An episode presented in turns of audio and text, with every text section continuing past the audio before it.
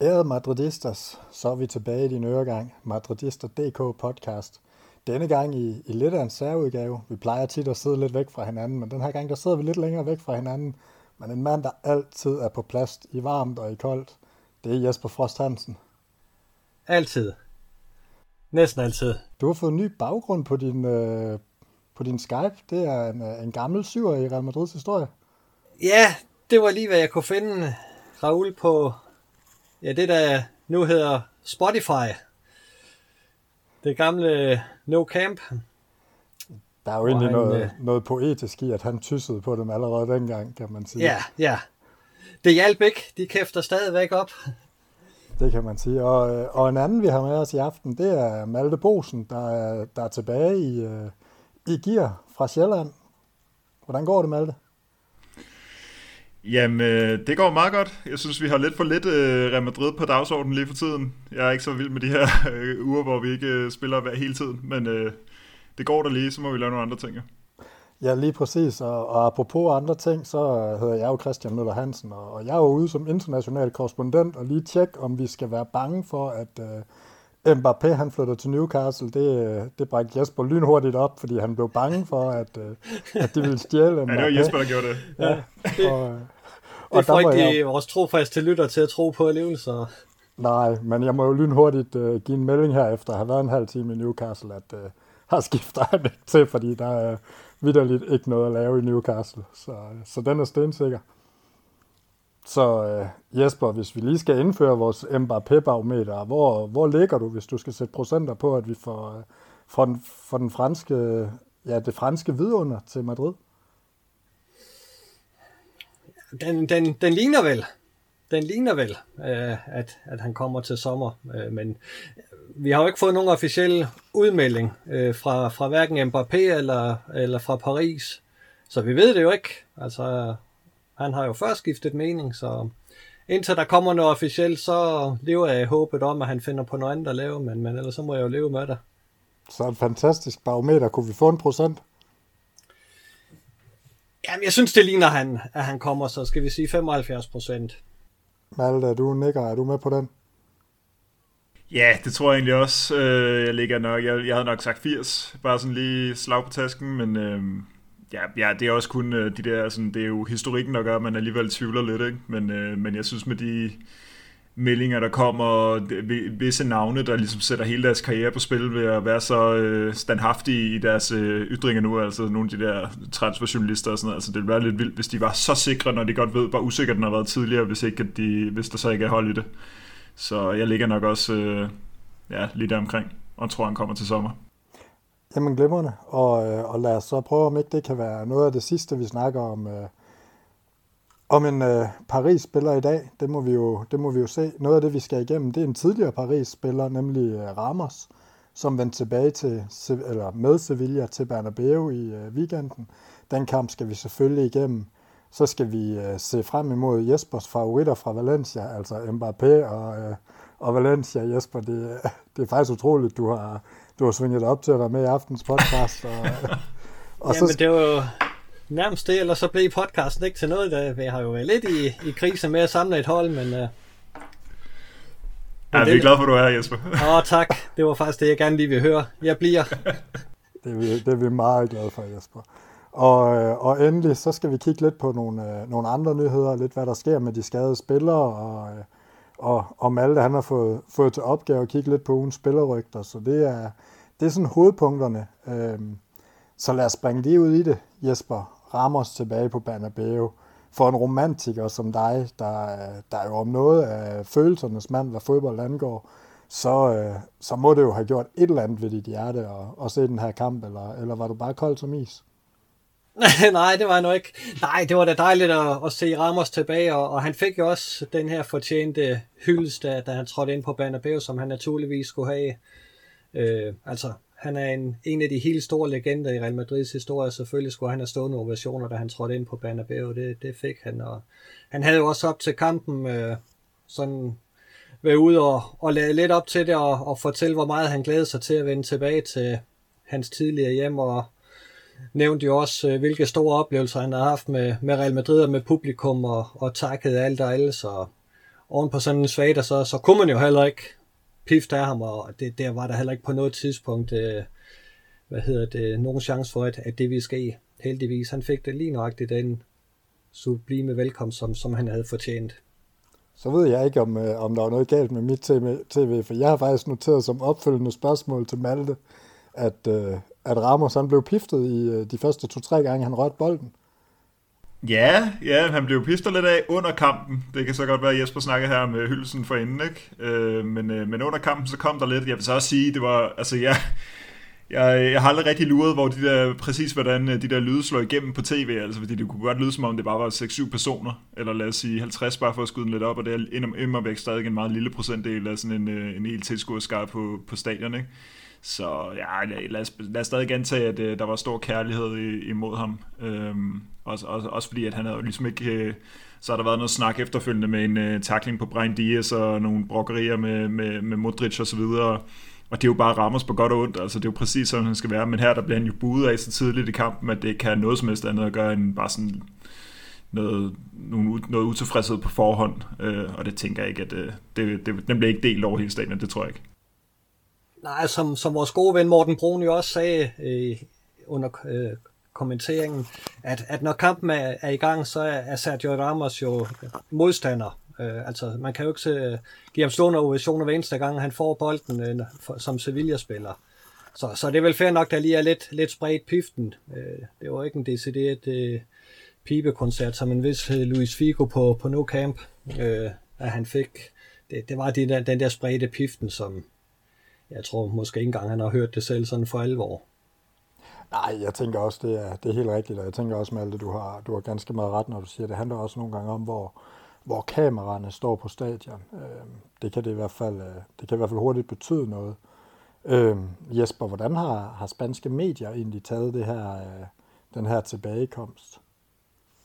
Jamen, de elsker jo også de her historier om, om spillere, der vender tilbage til deres tidligere hjemmebane, og, og de har naturligvis også brugt en masse tid inden kampen på at, at, at snakke om det her. Og Der, der har været de her rygter om, at, at øh, Eder Militao blev skadet, at øh, så sad Sergio Ramos faktisk og ventede på at få en opringning fra Real Madrid, fordi han gerne ville tilbage og, og, tage den her øh, plads. Øh, det tror jeg nu aldrig nogensinde har, har været øh, hensigten fra, fra Real Madrids side, at han skulle tilbage. Altså, vi, vi husker jo godt den måde, han forlod Real Madrid på, og det, det, kalder jo ikke ligefrem på, at, at han skulle tilbage. Øh, og ja, når det kommer til stykket, er jeg også lidt i tvivl om, hvor meget han, han selv egentlig ønskede eller om det bare er viskriverier. Øh, han, han lød faktisk oprigtigt, da han, da han endelig skrev kontrakt med, med Sevilla, at, at han havde et regnskab hjemme i, i Sevilla, han skulle have gjort op, og, og, og en, en historie, der skulle slutte der. Det, det synes jeg et eller andet sted også er, er meget smukt, at, at han kommer tilbage til Sevilla og afslutter karrieren der.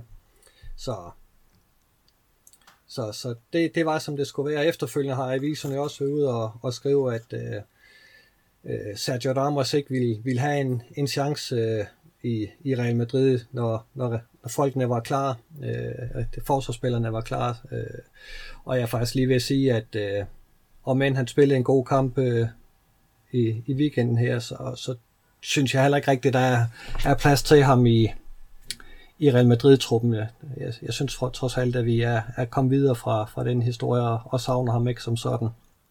Nej, altså må man jo sige, når man faser sådan en skikkelse ud af omklædningsrummet, som man jo gør, når man sælger ham, eller, eller ikke forlænger med ham, så, øh, så er det jo også meget at tage, tage tilbage igen, fordi han vil jo skubbe til alle dynamikker, om han spillede eller ej. Øh, så på den måde, så giver det jo nok meget god mening, at man ikke har valgt at ringe til ham, selvom det, det sådan set udefra nogle gange kunne virke lidt interessant. Så, øh, så, så er jeg meget enig med dig, Jesper, at, øh, at det giver mening, at man ikke øh, uh, hentede ham tilbage igen, og så, så kan man jo bare håbe et eller andet sted, at det måske lykkes ham at, at hive en eller anden form for titel hjem til Sevilla og slut, slut karrieren på den måde. Det vil jo være, vil være et eller andet sted den ultimative historie i forhold til Ramos, som vi jo bare må sige, at, uh, at det er måske faktisk historiens bedste centerback. Det synes jeg ikke altid, at han får anerkendelse nok for, men når man ser, hvad han har vundet, så, så er det svært at, at tale om andre. Øh, på trods af hans fejl, så har han jo bare haft så meget andet godt.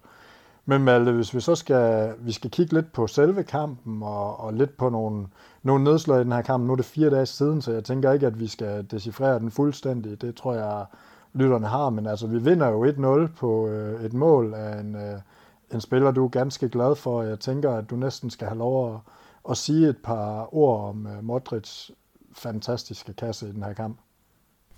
Ja, fordi målene kommer jo nok primært til at handle om, øh, om hans mål, ikke? Eller ordene kommer til primært til at handle om hans mål, fordi øh, det var jo en, altså nu, nu kampen, som du siger, fire dage gammel, eller, eller hvor, eller hvor gammel den er, men øh, det var jo virkelig heller ikke en, en kamp, der, der altså man husker, fordi holdt op, var bare den øh, kedelig øh, og dårlig øh, for Real Madrids vedkommende. Øh, Sevilla der bare pakket sig, men så, så er det jo godt, at vi kan sætte Modric ind. Han har jo ikke øh, fået meget spilletid på det seneste, altså han, han i de sidste par ligekampe her, 3-4 kampe her, der har han fået øh, 14 minutter imod Atletico Madrid og 20 minutter mod Girona, som vi jo havde smadret fuldstændig på det tidspunkt, og så øh, bare de sidste tre mod Rayo. Det er godt nok en god del ekstra tid i nogle af de her kampe, ikke? Men, øh, og så et, øh, et kvarter mod Sevilla. Og så fik han jo hele kampen på bænken imod øh, Leipzig, så det er jo ikke vildt meget, vi ser Modric for tiden, men derfor er det jo også bare ekstra smukt, når han så kommer ind og scorer det her forrygende mål. Og det eneste, er rigtig noget sådan at, at sådan lægge mærke til ham, altså det var, at... Øh, Jamen, han, han gik selvfølgelig ind og satte sig på spillet, lidt ligesom øh, uh, Tony Kroos har gjort hele kampen, altså med en masse touches og noget, noget fordeling af bolden, og, og på den måde der gør det jo ikke så ondt at have de to på banen samtidig, fordi uh, Sevilla alligevel bare pakket sig, uh, og ikke uh, især på det tidspunkt havde det store at komme med. Uh, så kvæler vi dem jo bare på den måde, men uden at det var ikke fordi, det, ville blive farligt af den grund, men så, øh, og han havde lige en enkelt, øh, en enkelt øh, god aflevering, jeg ved ikke, om I kan huske den, men øh, hvor han sender sådan en, en dybdebold, der ligesom bryder kæderne flat langs jorden til, jeg tror måske, det er Rodrigo, eller så er det Brian Diaz. Øh, og, så, øh, og så sker der vist et eller andet derfra, men hvor, hvor det ligesom var, det var første gang i de første 80 minutter, vi så den slags, altså sådan en kædebrydende aflevering, hvor der rent faktisk er plads at komme til, men, øh, men så ender du så med, at han øh, i stedet for virkelig tager overskrifterne ved at score det her fremragende mål, som jeg har set mange sammenligne med øh, det mål, han scorede mod Manchester United i sin øh, første sæson i Real Madrid, hvor han sender os forbi dem i, øh, i 8. finalen af det vel i Champions League. Dengang i den grønne trøje, og så klapper den den på, på stolpen. Øh, jeg selv, øh, mens jeg sad og så kampen, så mindede det mig lidt om det mål, han scorede til VM i 2018 mod Nigeria, tror jeg, for Argentina øh, lidt længere udefra, og nok lidt, øh, lidt mere imponerende trods alt, men altså, det er jo bare smukt at se den måde, han, han tager bolden ned på. Det er virkelig en klasse første berøring. Altså, jeg, jeg har set den igen og igen, for jeg synes, det ser så fedt ud. Altså, den der måde, hvor det ligner, at han, han i virkeligheden har tænkt sig noget andet, men det er som om, hele hans krop når ligesom at reagere på, hvordan øh, den Sevilla-spiller foran ham øh, ligesom fejltimer sit indgreb. Og så når han sådan at, og med sin 38 år gamle krop, øh, og, og dreje bolden ud til højre, og bare lægge den til rette på første berøring. Altså, det er så genialt. Og så at han bare sparker den ind, det er selvfølgelig ekstra fedt. Og så, så jubelscenen der, og nogle meget, meget ikoniske billeder, som vi alle sammen kommer til at huske fra Modric sidste sæson. Og så kan det godt være, at han kommer til at spille nogle flere kampe i den her sæson, som, som ikke er lige så gode som dem, han har, vi har været vant til at se fra ham øh, i de sidste mange sæsoner. Men øh, vi kommer i hvert fald til at have et minde, ikke bare fra, fra den sæson, han formentlig er færdig i Real Madrid som spiller, øh, men også for det år, Øh, og det, det, det synes jeg bare er fedt, altså at, at han lige får det her moment med, og vi lige fik noget magi på en ellers øh, utrolig kedelig aften.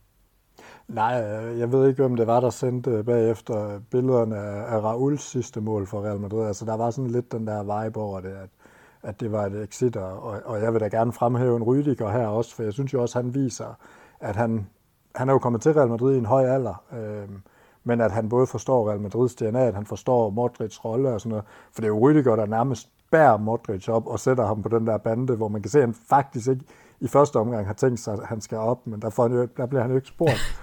øh, og det er, jo, det er jo med til at gøre den her øh, jubelscene næsten endnu mere ikonisk. Synes du ikke, Malte? Jo, jeg synes det, jeg lagde ikke lige mærke til, om det var Rüdiger, øh, men det kan jeg godt forestille mig, det var. Øh, jeg, jeg, synes helt klart, at, altså, at spillerne bærer ham frem på den måde, og viser ham frem, som om han er Simba for Løvenes Konge. Ikke? Altså, øh, det, det synes jeg var, var smukt, fordi at øh, tilskuerne vil gerne have det, og, og, og spillerne vil ham det bedste, og og den måde, han bare står og jubler, og altså, også den der måde, han stikker armene i vejret, øh, ligesom fuldstændig altså, der, han, han holder ligesom ikke til, hvad hedder det, balancen selv. han står ligesom bare og, øh, og laver den der øvelse, man lavede øh, for 100 år siden i folkeskolen, hvor man skal læne sig tilbage og blive grebet af en, øh, en kammerat, ikke? og det er jo ligesom den, han laver her, bare med alle sine kammerater stående bag sig, så han bare kan stå med armene i vejret og, og blive tiljublet, som den fodboldgud, han er. Øh, så jo, helt klart, det bliver en del af de gode billeder, vi kommer til at, at huske tilbage på.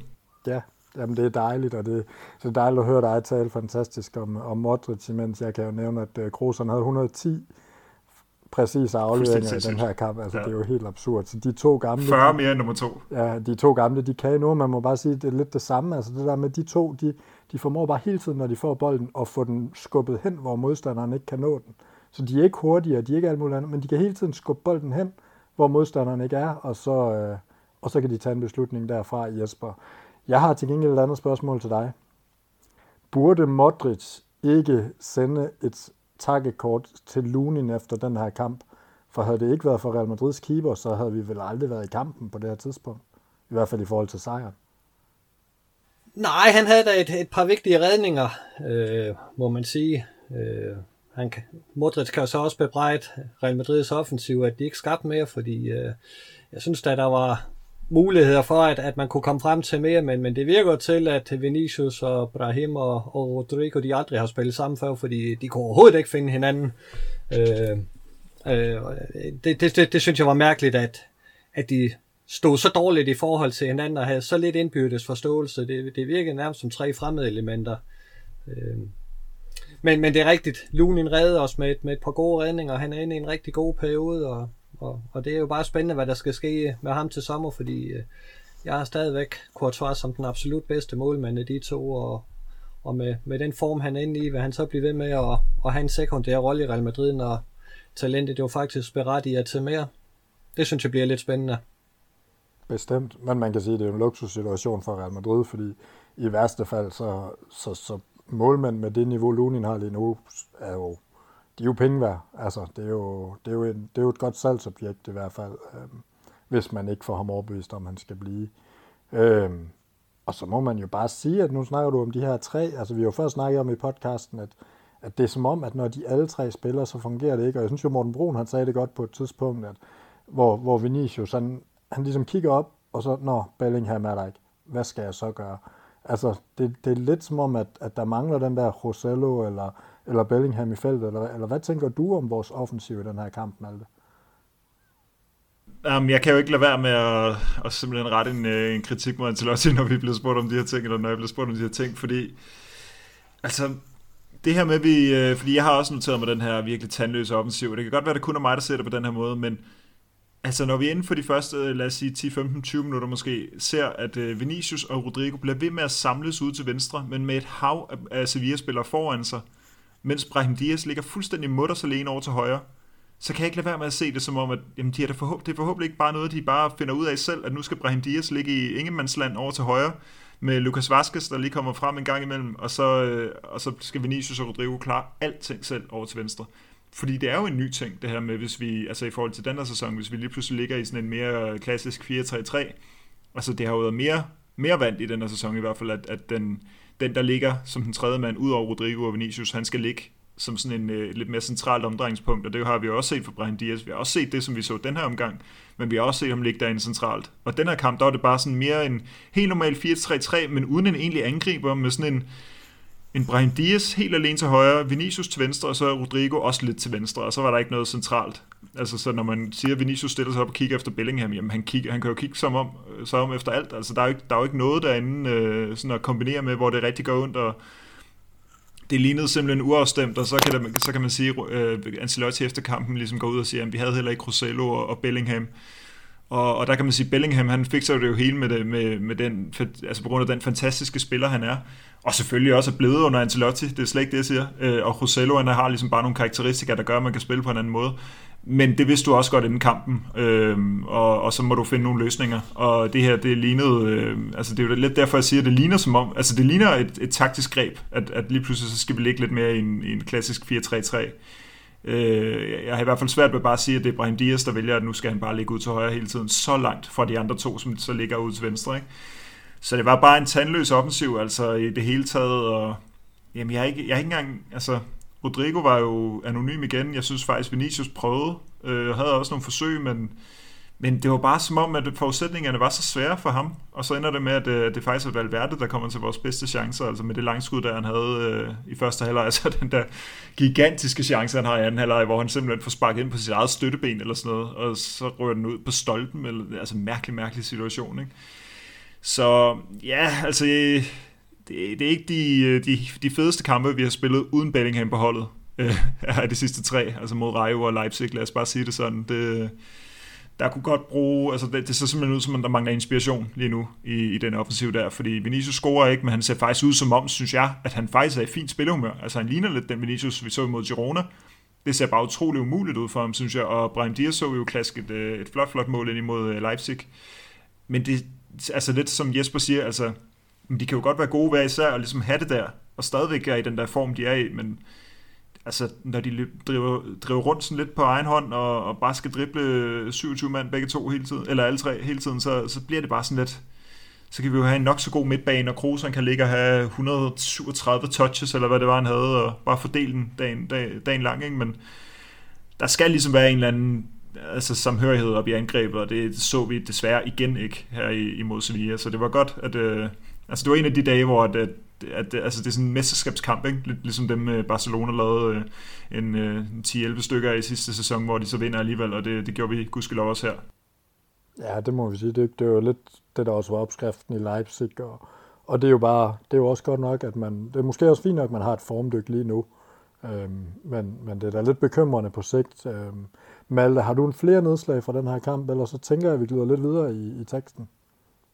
Nej, altså så skulle det bare lige være to hurtige. Den ene er selvfølgelig, at øh, Arda Gyller desværre ikke øh, kom ind og, fik sit indhop. Det var selvfølgelig synd for ham. Øhm, lad os håbe, at der på et tidspunkt kommer en lidt mere, fordi han, altså, det har også været nogle svære kampe, vi har haft på det seneste med Champions League og med Sevilla og Atletico Madrid og Girona. Ikke? Altså, lad os håbe, der kommer en lidt nemmere øh, stretch. Og så er, det, så er det den her lille detalje med, at uh, tidligere havde vi taget Chomini ud i den her situation, men nu sætter vi ham ned i midterforsvaret og tager i stedet for Nacho ud. Øh, det er ligesom bare Nacho, der daler i hierarkiet, og Tchouameni, der stiger, synes jeg egentlig, at vi kan sige på baggrund af det her. Ja, det er nok, øh, det er nok meget sigende på, på en eller anden måde. Og, øh, men, hvad siger du? Men den sidste, den sidste med, med Tchouameni nede i forsvaret i stedet for Nacho, synes jeg jo lidt var en taktisk genialitet fra, fra Ancelotti. Ja, fordi uh, Tchouameni så kunne støde med frem og, og, og understøtte midtbanen, når, når vi var i angreb, og så glide tilbage, når, når de var i angreb. Så, så det synes jeg faktisk var rigtig godt set af ham. Hvis vi lige skal rose Ancelotti, må vi det i dag, Malte? Det må vi gerne, helt klart. vi, vi sad to på spillet, og det var godt med en, en boldspillende centerback på det her tidspunkt. Altså øh, helt klart, det var med til at kvæle Sevilla det sidste stykke tid. Ikke? Sådan har vi også fået Malte til at rose, uh, rose Ancelotti i aften. Så, uh, så ikke et øje tørt, så lad os gå videre til Jesper, der skal sige noget pænt om Valencia. Øh, de tager i weekenden. Jesper, øh, vi tager jo, vi, vi, vi er, altså der er jo nok ikke nogen tvivl om for erfaren lytter af, af det her program, at du ikke ligefrem elsker Valencia, men, øh, men kan du lige for, at vi måske også tager eventuelt nye lytter og genopfriske, hvorfor det egentlig er, at du ikke rigtig bryder dig om, hvad skal man kalde dem, Østkyst Hustlers i, i Spanien? Jamen, jeg er jo, jeg er jo lidt træt af deres opførsel i forbindelse med købet af Mihatovic, at, at de ligefrem skulle lægge os på had i, øh, for had i flere årtier på grund af, af en handel.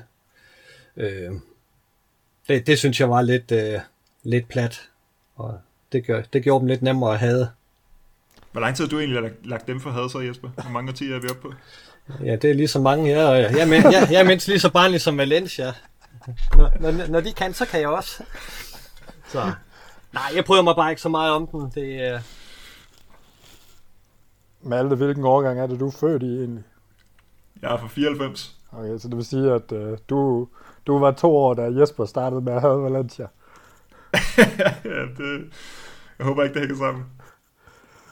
Det, det synes jeg alligevel. Men ja, vi skal tilbage til, til Mijatovic. Der er jo afgjort en Champions League-finale, og, og gå lige ind og se det på YouTube, hvis du ikke har noget at, at lave, kære lytter.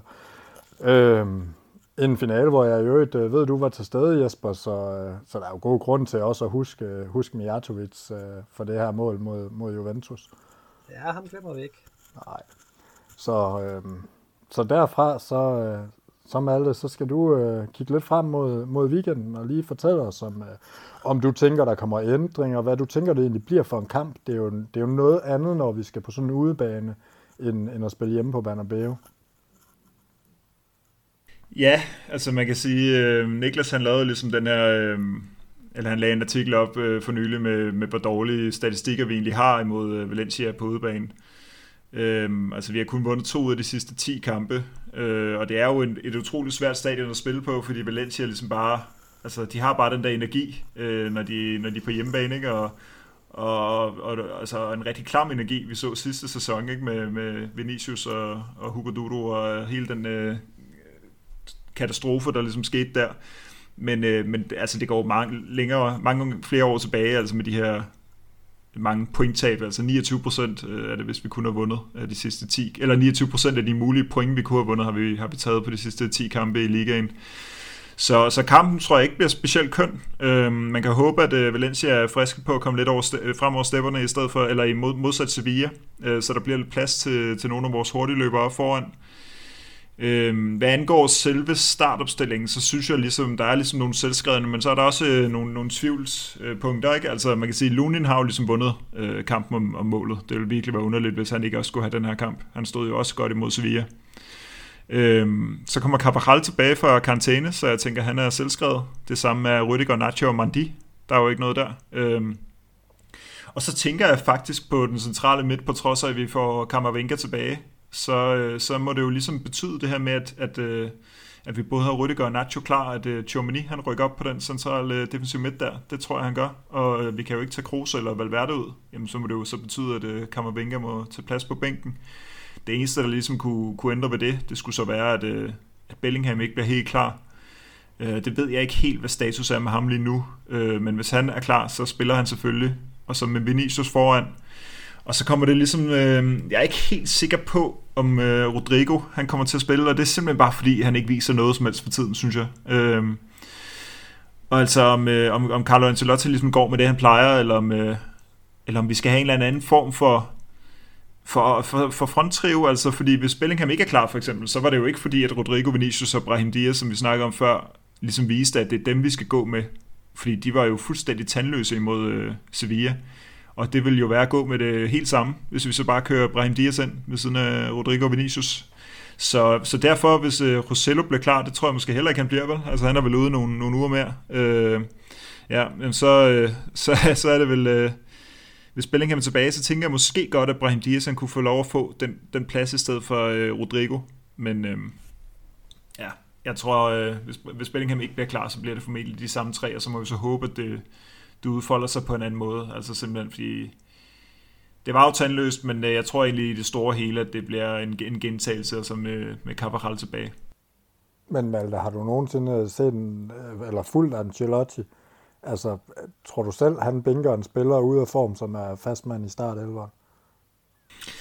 Nej, det er jo ikke det, han har for vane, vel? Øhm, jeg, jeg synes alligevel, Rodrigo, han har, der har faktisk været situationer i den, eller altså tidspunkter i den her sæson, hvor han er blevet sat på bænken. Øh, og det er også fordi, den her kamp, den er lige før Leipzig-kampen, så man kan måske også stikke det ind med, at, øh, at der kommer en vigtig kamp lige rundt om hjørnet.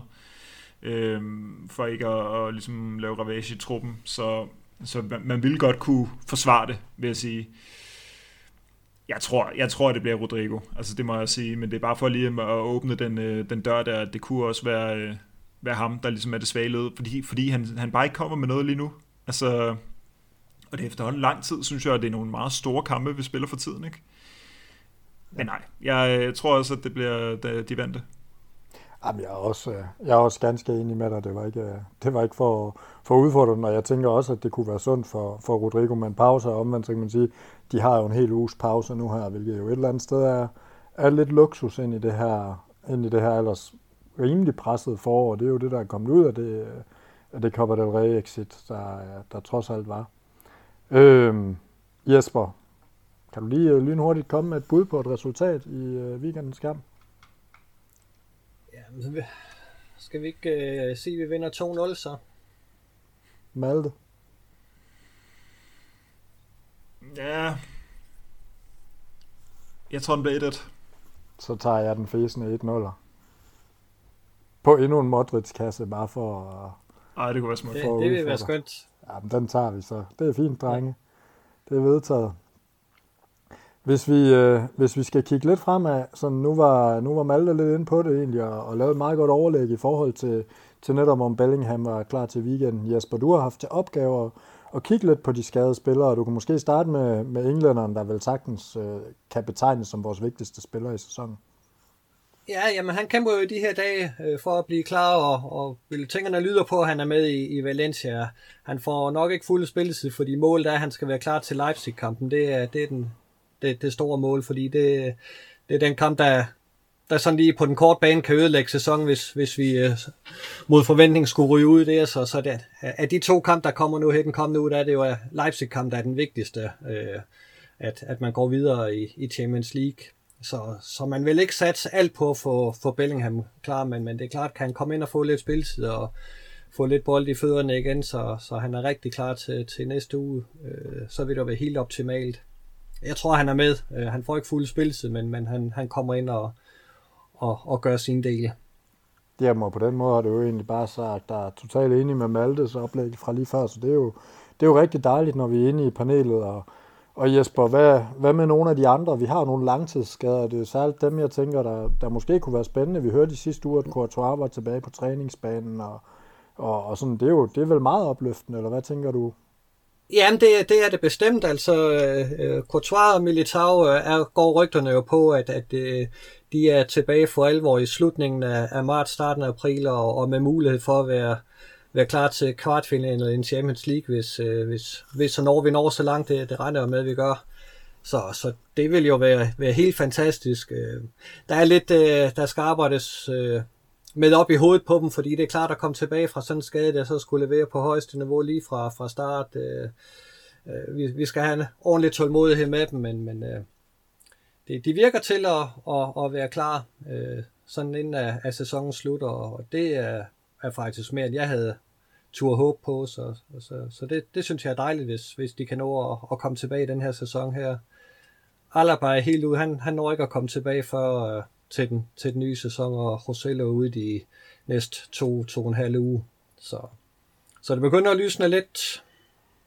Ja, Malte, hvad tænker du om at få sådan nogle spillere tilbage fra så alvorlige skader midt i et forår, hvor hvad skal man sige, der er jo ikke rigtig råd til, at vi lige putter Courtois på kassen, bare for lige at teste, hvordan han står, eller, eller sætter Militao ind i midterforsvaret for lige at, altså, hvordan ville du faste men hvis du var træner i, i sådan en situation her, eller ville du egentlig måske vælge at sige, at, øh, at det er meget fint, de er tilbage, men, men det bliver maksimalt i en indskifterrolle. Det er jo svært for for eksempel en målmand. Hvad, hvad tænker du om det her? Jeg tror, jeg vil, prøve at se, om ikke man kunne, altså jeg vil øh, sørge for, at der var noget, noget intern kommunikation i klubben i forhold til at, og ikke køre for hurtigt i spil. Altså for eksempel synes jeg jo ikke, Militao han skal ind og spille en, øh, en, en Champions League kvartfinale nødvendigvis, hvis, øh, hvis Nacho og, og Rüdiger ligesom er i sving og, og, og køre de kampe der. Øh, med mindre selvfølgelig, at vi, altså, at vi lige pludselig har en, en stime på nogle overkommelige ligakampe, altså hvor han ligesom kan komme ind og og ligesom få føling for det igen, og forhåbentlig lige få en halvleg her, og så 60 minutter, og så et, et par kampe, fulde kampe i benene, men jeg tænker jo i hvert fald, altså han, han bliver jo nødt til at kunne spille fulde kampe, Militao. Altså han skal jo kunne spille 90 minutter, øh, hvis han lige pludselig skal ind og spille øh, en, en, en kvartfinale mod et, øh, et stort europæisk hold, ikke? altså hvis vi skal møde Inter eller, eller City, men øh, altså nogle af de der hold, der, der virkelig kan volde os problemer så duer det ikke, at han, øh, han har spillet en, en 60-70 minutters fodbold siden, øh, siden altså sådan i hele sæsonen nærmest. Ikke? Øh, så jo, altså kør, dem, kør ham stille og roligt i, i, i position, og, og lidt det samme med Courtois, det må så bare være en, en kamp, altså de ligesom skiftes. Øh, der er det selvfølgelig også lidt nemmere, fordi altså Lunin er jo selvfølgelig 100% indforstået med, at, øh, at Courtois han spiller, når øh, Courtois, altså når, når Ancelotti vil have det. Der er jo ikke nogen øh, diskussion, hvor det kan være lidt sværere måske at, at tage, tage Nacho eller, eller, eller, eller Rüdiger ud til fordel for Militao i, i de store kampe, hvis Militao ikke er helt klar, og, og de andre to ligesom er der øh, formmæssigt, så ja, en, en stille og rolig indkøring, håber jeg. Øh, vi har så mange svære kampe lige nu, så jeg håber, at der kommer en, en lidt nemmere øh, La Liga, en, en La Liga-stime lige om lidt. Jeg, jeg har faktisk ikke lige overblik over øh, programmet lige nu, men øh, forhåbentlig så kommer der nogle kampe, hvor det, det bliver muligt at, at spille nogle af de her spillere tilbage i form. Ja, det giver god mening. Jesper, er der nogen, øh, er der nogen muligheder, altså for eksempel i Danmark, der har man sådan nogle reserveholdskampe, og i, og i England kan man også nogle gange spille med, med reserveholdet. Er der nogen muligheder for at give en førsteholdsspiller kamptræning i, i lavere rækker i en klub som Real Madrid? Nej, eller i det nej, spanske system? Det, nej, det er det ikke. De er indskrevet i, i hvad hedder det, førsteholdstruppen, og, og jeg mener heller ikke, at Real Madrid, øh, Castilla må have, have fuldtidsprofessionelle spillere, så så er det ikke en mulighed. Nej, det giver, og det giver rigtig god mening. Så, så det vil sige, det er, jo, det er jo også en udfordring i forhold til det her øh, kontra andre lande i hvert fald, og, og i hvert fald værd, vær lige at have, have en mente, når nu man, øh, man kigger på, hvordan de skal fases ind. Men uanset hvad, så, så må man sige, det er jo, det er jo positivt at, at måske kunne få noget, noget ny energi, og, og måske kunne sparke øh, Nacho ud på bænken, når, øh, når der bliver brug for det, fordi vi må bare være ærlige og sige, at, øh, at den her sæson har jo nok også vist, at, øh, at Nacho stadig, øh, de er ved at være, at, at han skal i hvert fald højst være fjerde valg. Øhm, han er ikke rigtig til mere. Men Malte, så skal der jo noget nyt blod til, og det har du til gengæld haft til opgave at kigge lidt på. Sådan de spillerrygter, der, der er kørende lige for tiden, jeg synes jo, at det virker som om tingene tager lidt til omkring nogle bestemte, og, og til gengæld er der ikke super mange rygter, eller det er bare øh, mig, der lige har været lidt for hurtig i min øh, scrollen på X, eller hvor, hvor man nu følger sine, øh, sin rygter. Nej, men jeg synes, øh, der, der er nogle forspillere især, synes jeg, det virker som om, vi bliver kædet lidt øh, mere og mere sammen med. Øh, og apropos Nacho, så er det jo ham med her Lenny Jodo øh, fra Lille, øh, det her forsvarstalent.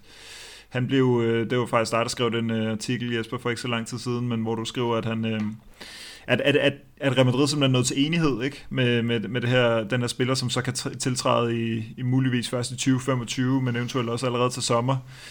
Øhm, det, vil jo, det er jo noget af det, jeg har råbt lidt efter, i hvert fald det her med en plan, i forhold til, hvor gamle vores, øh, vores forsvarsspillere er. Altså, vi ligesom har nogen, vi har udset os, som, som med tiden kan komme ind og, og tage en rolle i, i Real Madrid. Øhm, og han, han, han har jo lidt den her øh, ja, historik, der minder lidt om Rafael Barans, fordi han er så ung og spiller i den franske liga. Øh, til dem, der ikke allerede har hørt om ham, eller været inde og, og tjekke, hvad han er for en, så er han jo sådan en, en, øh, en kun 18-årig øh, spiller, der først fylder øh, 19 til november, så han har været gang i lang tid. Altså han spillede 13 kampe i sidste sæson for, for det her lille hold, der lige nu ligger nummer 5 i den franske liga. Det, det lyder jo godt. Jeg skal ikke sige, altså jeg kender ikke det niveau i den franske liga, især ikke under PSG.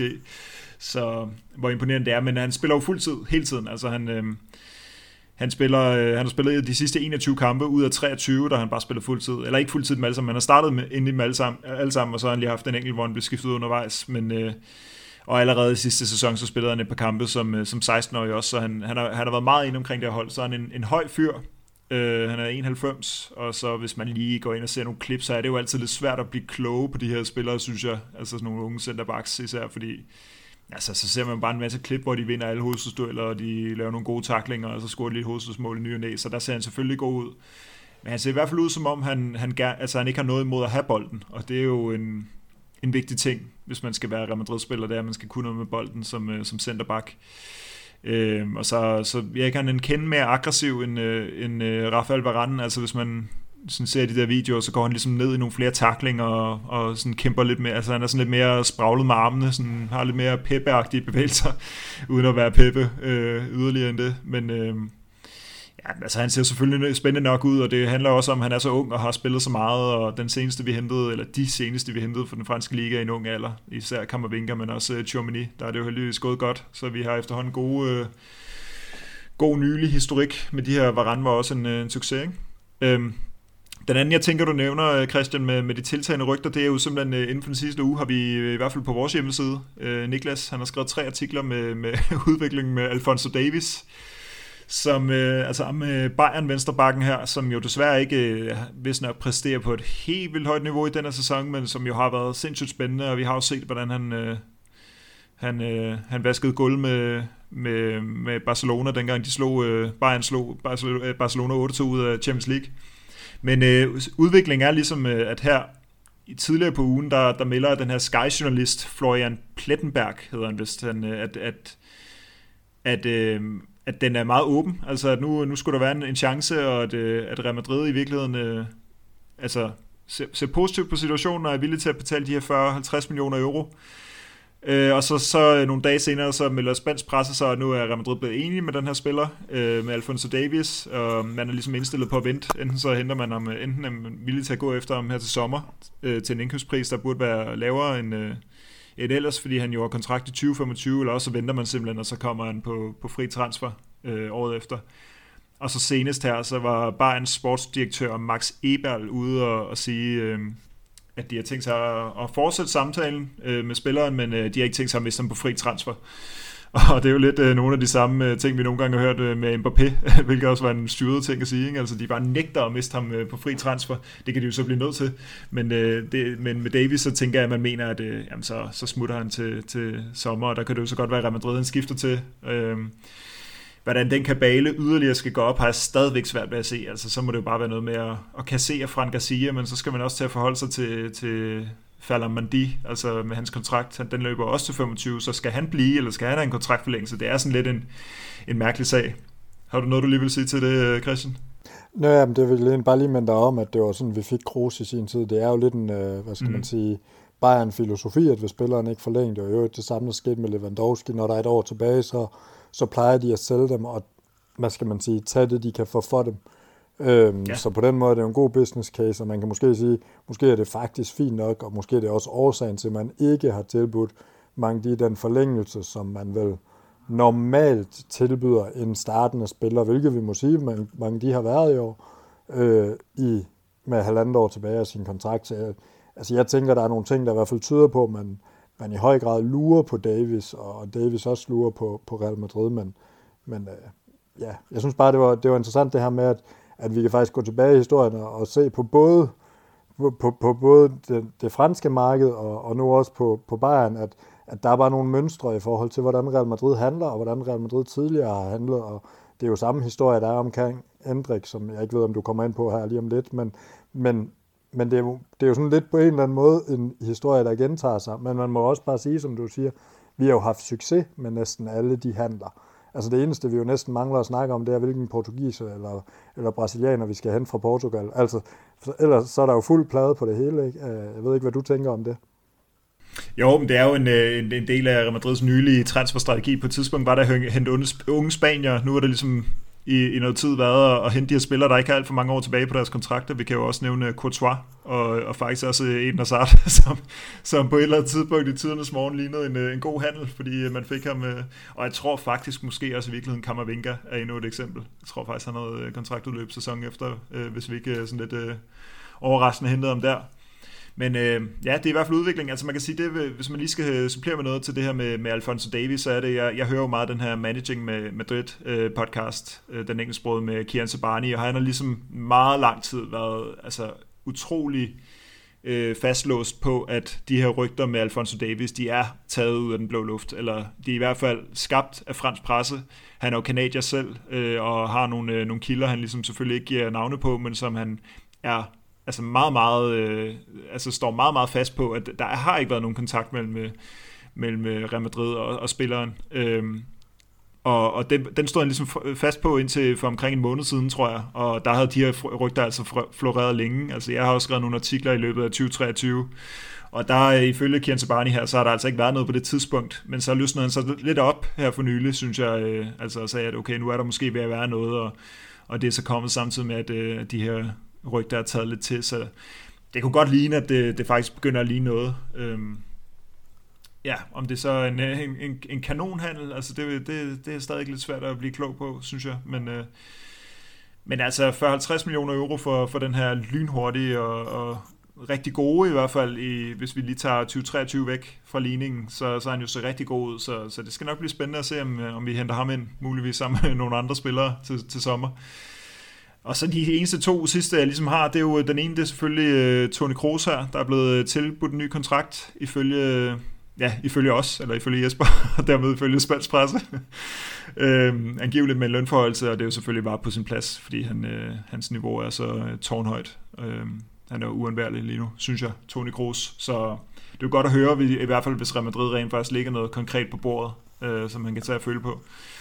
Og så er den sidste her, det er Miguel Gutierrez, som, øh, som rygtes tilbage til klubben for ligesom at, at blive salgt videre. Det er jo sådan, at vi kan hente ham tilbage for 8 millioner euro. Øh, den her venstreback fra, fra Girona, der gør det så fint. Undtagen når de spiller mod lidt til klub, der så det godt nok grumt ud, men ellers har han gjort det rigtig godt i løbet af sæsonen, og det har selvfølgelig også tiltrukket øh, opmærksomhed fra, fra Premier League. Og man kan sige, i det, med, i det vi har solgt ham, øh, og ikke øh, udlejet ham, så kan man vel også være nødsaget til at lave det. Altså, vi kan jo ikke bare øh, have, at en, øh, en engelsk klub kommer og smider øh, penge for ham.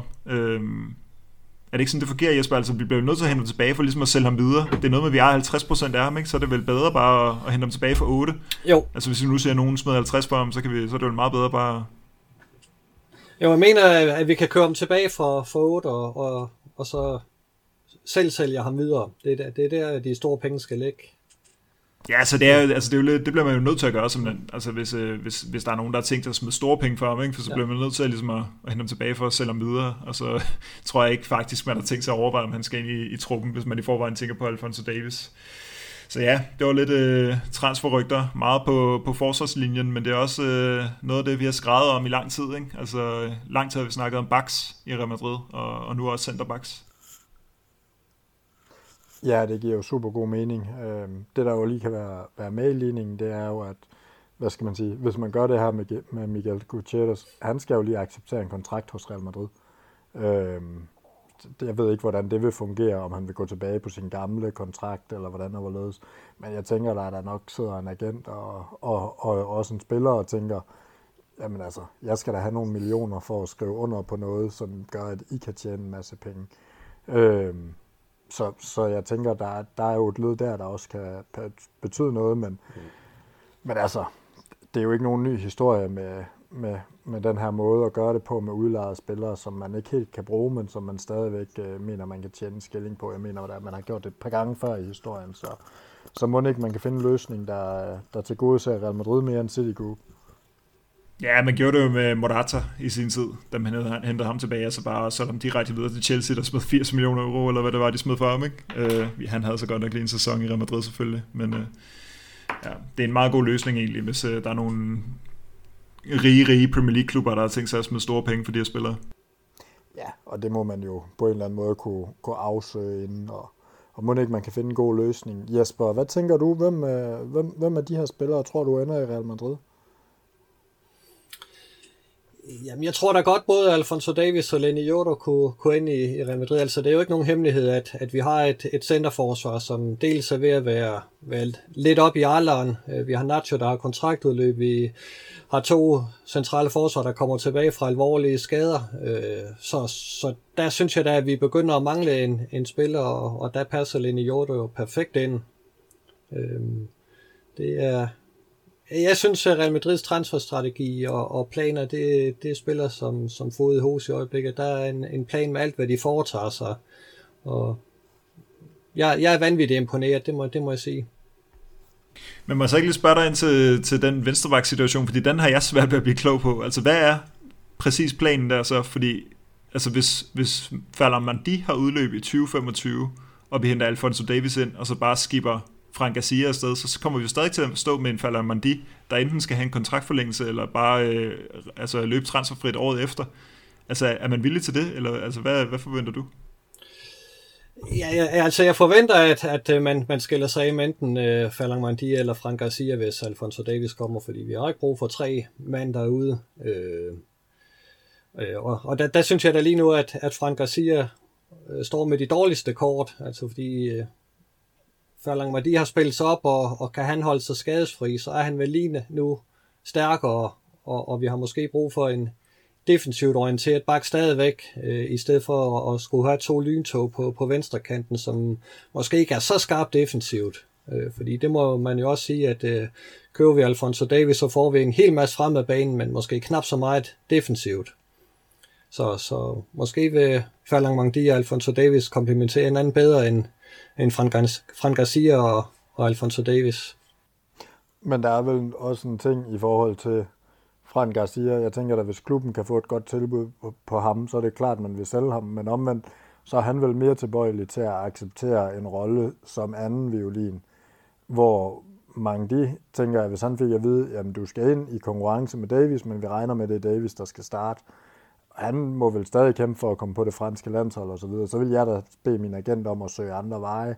Men, men, men omvendt har vi jo hørt også hele den her sommer, eller foregående sommer, at Mangdio var en, man, man egentlig var klar til at lytte på bud på, hvis, hvis der kom nogen. Der kom bare aldrig nogen, og, og i øvrigt så hed det sig, at lønnen også var rimelig høj i forhold til, hvad han præsterede på banen. Så, så man står vel også sådan lidt, altså jeg kan da godt følge dig med det i forhold til det der, men man står lidt i et, i nogle overvejelser, og på en eller anden måde, så synes jeg jo, at Fran Garcia har en bedre case, hvis man kan komme af med Mangdi, men det er måske i virkeligheden på grund af løn, og hvad man forventer at få i, i transferfee, bare nemmere at komme af med Frank Garcia, selvom Mangdi er en bedre fodboldspiller. Altså sådan er, er, er fodbold jo nogle gange så paradoxalt, eller, eller hvad tænker du, Malte? Jo, men præcis, altså fordi øh, altså Falamadi får jo også så meget ros for Ancelotti, altså det, det, han er jo meget, meget øh, sådan, øh, tydelig i sin ros til, til Falamadi, kalder ham den bedste defensive venstreback, og Real Madrids defensiv, bedste bak rent forsvarsmæssigt, og, og så videre, altså han er meget udtalt i sin, øh, eller meget tydelig i sin, øh, sin, sin ros til ham, ikke? Og, men, men det er bare det her med, hvis vi så skal beholde om at have Alfonso, Alfonso Davis, jeg kan sagtens se, hvad du siger, Jesper, altså kombinationen af Alfonso Davis og Falamandi, øh, to brølstærke venstrebacks, den ene øh, virkelig god defensivt, den anden lidt bedre offensivt, men det er bare det her med, jamen så skal han vel have en kontraktforlængelse. Altså det kommer vi vel ikke udenom, eller også mister vi ham gratis i 2025. Altså han har jo kontrakt udløb samme år som Alfonso Davis, vi kommer jo ikke til at kunne have falder med de, og så have en hel sæson, hvor han øh, står i skyggen af Alfonso Davis. Altså han skal jo have den der kontraktforlængelse så, som man har øh, afvist at give ham, øh, måske lidt med hensyn, henblik på så at sælge ham. Øh, og som, og han, vil, han vil jo nok også gerne have en, øh, en, en vis lønforhold, så det synes jeg også, man har hørt øh, altså, rygter om. Så så jeg synes ikke helt, den er så nem, at man bare, man bare kan vælge den bak, man ligesom vil have sammen med Alphonse Davis. Der er ligesom nogle, nogle, altså en, en kabale, der skal gå op, øh, en dominoeffekt, øh, for eksempel med en kontraktforlængelse. Det kan sagtens ind med, at man er nødt til at klippe en hele huggen så for at få det hele til at passe, øh, og, og det må vi så se, hvordan kabalen netop går op. Øh, øh, jeg tror godt, at Real Madrid vil kunne, kunne leve med, med både Fran Garcia og, og Alfonso Davis, hvis det ender sådan. Øh, ja, jeg tror, de er ret for, forhippet på at få Alfonso Davis ind, og, og, og så må, må resten løse sig. Det tror jeg, det er lidt sådan, øh, at, at de tænker det. Ja, jamen det, øh, og, og, og det er jo også, man kan jo også prøve at foreslå Bayern, om man kan, om man kan bytte Ferlang Mandi og, og 20 millioner euro, og så se, hvad der, hvad der kommer retur den vej. Altså det er jo, det tænker jeg nogle gange, hvorfor, hvorfor man ikke lykkes mere med byttehandel. Jeg ved godt, der er mange ting, der, der skal gå op, og jeg ved godt, at, at mange de ikke er, er, er, er Davis, og den måske er svær at sælge for, for Bayern, men omvendt så, jamen, altså, hvorfor skulle de ikke tage en bak, der, der stadigvæk er kvaliteter omkring det franske landshold retur. Øh, de må stå og mangle, tænker jeg, uden Davis. Men, øh, men det må man jo se. Det bliver, det bliver yderst spændende, og det er måske i virkeligheden det mest interessante, hvor, hvor Jo her, det, det, det virker bare så åbenlyst og så oplagt at få ham ind, og man har også den her franske, forholdsvis unge klike, og, og hvad skal man sige, eller jeg vil ikke engang tale om klikker i Real Madrids omklædningsrum, for det tror jeg oprigtigt ikke, der er, men, men man har jo netop, fordi man har haft en meget skarp øh, strategi, formået at skabe nogle forskellige grupperinger, men som samtidig kan med hinanden og arbejder med det fælles mål og, og, og vinde. Øh, og, og der passer han jo bare godt ind, fordi han kan komme ind i en fransk gruppe med, med fast, hvad skal man sige, med faste rutiner og så videre, øh, som kan tage imod ham og, øh, og så bare blive, blive kørt ind stille og roligt på førsteholdet. Og, øh, og det samme gælder jo Endrik, som, øh, som når han kommer, at han kan glide ind i den brasilianske gruppe, som også har et par gutter, der er lidt ældre end ham. Og, og et eller andet sted kan Davis jo højst sandsynligt også glide ind, enten i den erfarne gruppe med, med Kroos, Modric og, og Nacho og så videre, eller måske endda den franske klikke, fordi han, øh, han jo givetvis også er fransktalende. Ikke? Altså, der, der er bare så mange perspektiver og så mange ting i det her. Det, det er noget af det, jeg næsten synes er mest imponerende. Jeg ved ikke, jeg ved ikke om du vil knytte et par ord på det, Jesper, eller om du bare vil sige, at jeg har ret. Jamen, jeg vil gerne sige, at du har ret, for det har du jo. Altså, øh, det, det virker som om, at, at der er en, en strategi om, at man, man køber nogle spillere, som, som passer ind i truppen, og det, det er klart, at Endrik og Joro, øh, de, de kommer jo ind i en trup, hvor, hvor de med det samme har nogen at læne sig op af, når man kommer til så stor øh, en klub i så stor en by, øh, i så unge en alder, så har man brug for, for nogle øh, forbilleder, nogen man kan, kan få lidt gode råd fra, og der er det da alt lige øh, Øh, let at få det fra, fra sin landsmænd, end det er fra, fra nogle vildt fremmede spanier. Og, øh, så så det, det virker som om, at man, man øh, kigger lidt mod Frankrig, og man kigger lidt mod Brasilien, og, og, og bygger holdt op om, omkring det og får en, en god stamme der. Lige præcis, og, og Malte, er det i virkeligheden derfor, at Nico Pass han har det lidt svært, fordi han måske ikke helt passer ind i det her, eller hvad, hvad tænker du? Jeg må sige, øh, Nico Pass i forhold til Sergio Arribas, så øh, har jeg ikke været specielt imponeret altså med øjetesten på Nico Pass. Altså jeg er faktisk lidt i tvivl, om han har øh, niveauet. Altså det, det, jeg tror måske bare ikke, den, øh, altså, at den ikke er så meget længere. Altså, han, man kan sige, at han har været inde omkring første i den sæson, men det er jo kun fordi, at, øh, at, øh, at der har været så mange skader. Ikke? Altså lige så snart, at, øh, at spillerne var tilbage, så glæder han bare direkte ned på Castilla-mandskabet, hvor han jo gør det godt, øh, og han er blevet skrevet frem til en stor fremtid. Og sådan, men Altså, jeg kan I huske, at jeg har set nogen... Altså, han havde det der flotte mål imod Napoli selvfølgelig, men altså, jeg synes ikke, det var en god kamp fra ham. Og det synes jeg heller ikke, det var. Han var jo nærmest banens dårligste i, øh, i Copa del Rey. Det kan godt være, det er lidt øh, glædet ud i glemselen igen, men jeg synes faktisk ikke, han har været specielt imponerende. Øh, jeg tror faktisk ikke rigtigt, at Real Madrid har ham i, øh, i overvejelserne.